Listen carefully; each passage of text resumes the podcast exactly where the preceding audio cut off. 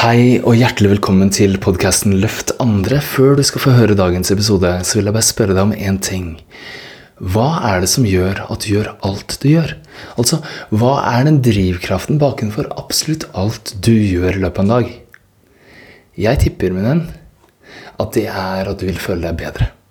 Og kanskje enda dypere at du vil kjenne på en indre ro, på en glede, på en frihet, kanskje til og med på kjærlighet.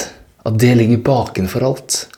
Og så er jo nøkkelen at det er ikke noe du trenger å finne utenfor deg selv, men det fins allerede inni deg selv. Så hvordan kommer vi oss dit?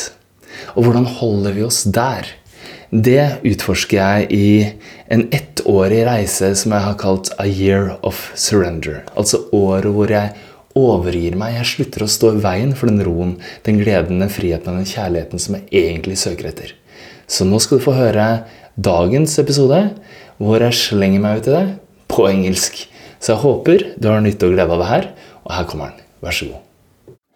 What do you do with the unwanted stuff? You know, when you want to be happy and you're not, when you want to be energized and you feel down, when you want to be joyful and you feel frustrated.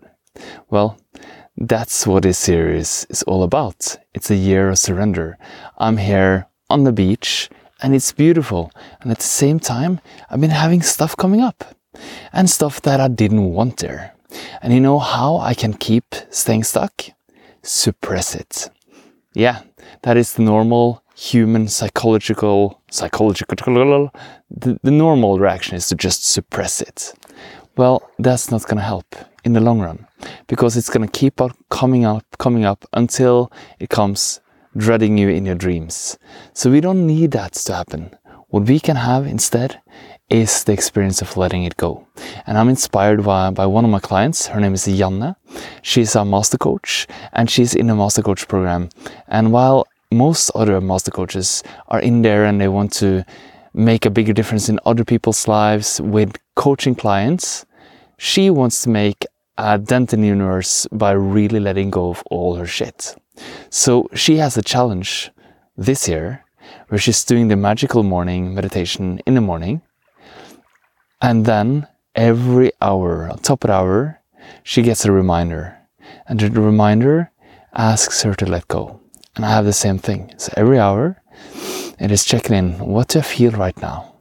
Sometimes it's good stuff, sometimes it's not. Right now, it's not all just rainbows and lollipops. There's some gruff, gruff, roof, roof in here. There's some sensation in my chest. There's a feeling of sadness. And I'm just allowing myself to breathe and be with it. It's okay. Right now, for this moment, I'm allowing it. I'm not giving it any resistance. And it's like it is drifting upwards and it's kind of leaving me. But still, even though that is gone, I can still feel more. So we have this freedom sentence that I teach inside of leadership art, which is I acknowledge all of it, all the way to the bottom of it, all the way back to when it's originated, to the beginning. And right now, in these very moments, I can allow myself to let go.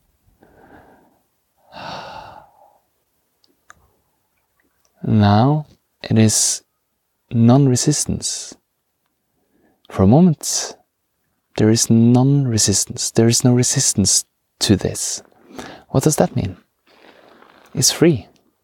And everything that is free it drifts up like a cork in water. It goes back to its origin, it goes back to where it belongs. And that's what just happened with me. So now I feel light. and laughter is coming with no reason. No apparent reason, just happy because I am. And that is the beauty. This is who we are. We are blissful and ecstatic, full of wisdom, and we're eternal. And we are also this body, like we are not this body, but I am that greatness, eternal greatness. And then I have this vehicle, this body, this personality, this voice, this look to be here and experience life. And in that life, there's good things and it's bad things. It's a polarity, it's a dynamic happening, it's a dance. And sometimes my personality wants to have the nice parts of life, but not the bad parts. You recognize yourself in that? Trying everything to stack up the, my circumstances for me to be really happy. And I'm not against that. I mean, I live in a dream home with my dream family, have my dream business, have my dream walks in nature. All that's beautiful. But still, stuff hits me.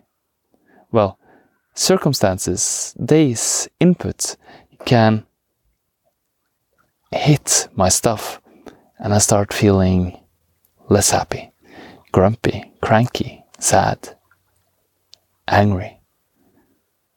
And that's okay. I don't have to stay there. I don't have to make it a story. I don't have to believe I am that.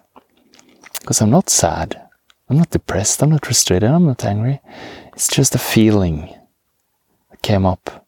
And I can allow myself to be with a feeling for now. And let it go. No drama. And I'm back in my natural state. The natural state is there all the time. So I think it's a actually a good metaphor up here. This is the blue sky if you see this on video. And there you see, well, it's not really a cloud, but I think the one over there is a cloud. Okay, one of them. This one is a cloud. That's from an airplane. this is a cloud. It's kind of covering the bluishness. So, my metaphor is this behind the cloud, over the clouds, it's always a clear sky. But the clouds are just covering it. That does mean if you're looking at the clouds, the clear blue sky is not there. It's just that it's covered. And my eternal self and my joy and my bliss and your eternal self and your joy and your bliss is always here. Sometimes it's clouded. What do you do with the drifting clouds? You allow them. And the more you allow them and you let go of everything inside of you holding onto them, the more free you are. Hmm. So that's the first step. My is it my first book? I think my first book. Well, I have several books. So the book that became a bestseller in Norway with 10,000 copies uh, is called Lift Others and Yourself. In Norwegian, it's Løft andre og deg selv. And in that book, I'm, to- I'm talking a lot about if you want to make a difference for others, you first start with yourself. And then you learn these processes, you feel the difference in your life, and then you just cannot help but spread it. You can either spread it by share beingness, and you can also start sharing it with coaching. And if you really want to go all out, you can become a master coach. And that's why I'm sharing this because I want you to be free and I want myself to be free. And by sharing this with you, allow myself to step out of suffering, out of identification, identification with being something less than I am, and stepping into who I am and why I'm here. So thank you for being a part of my year of surrender. I love you. Just let go and be happy now.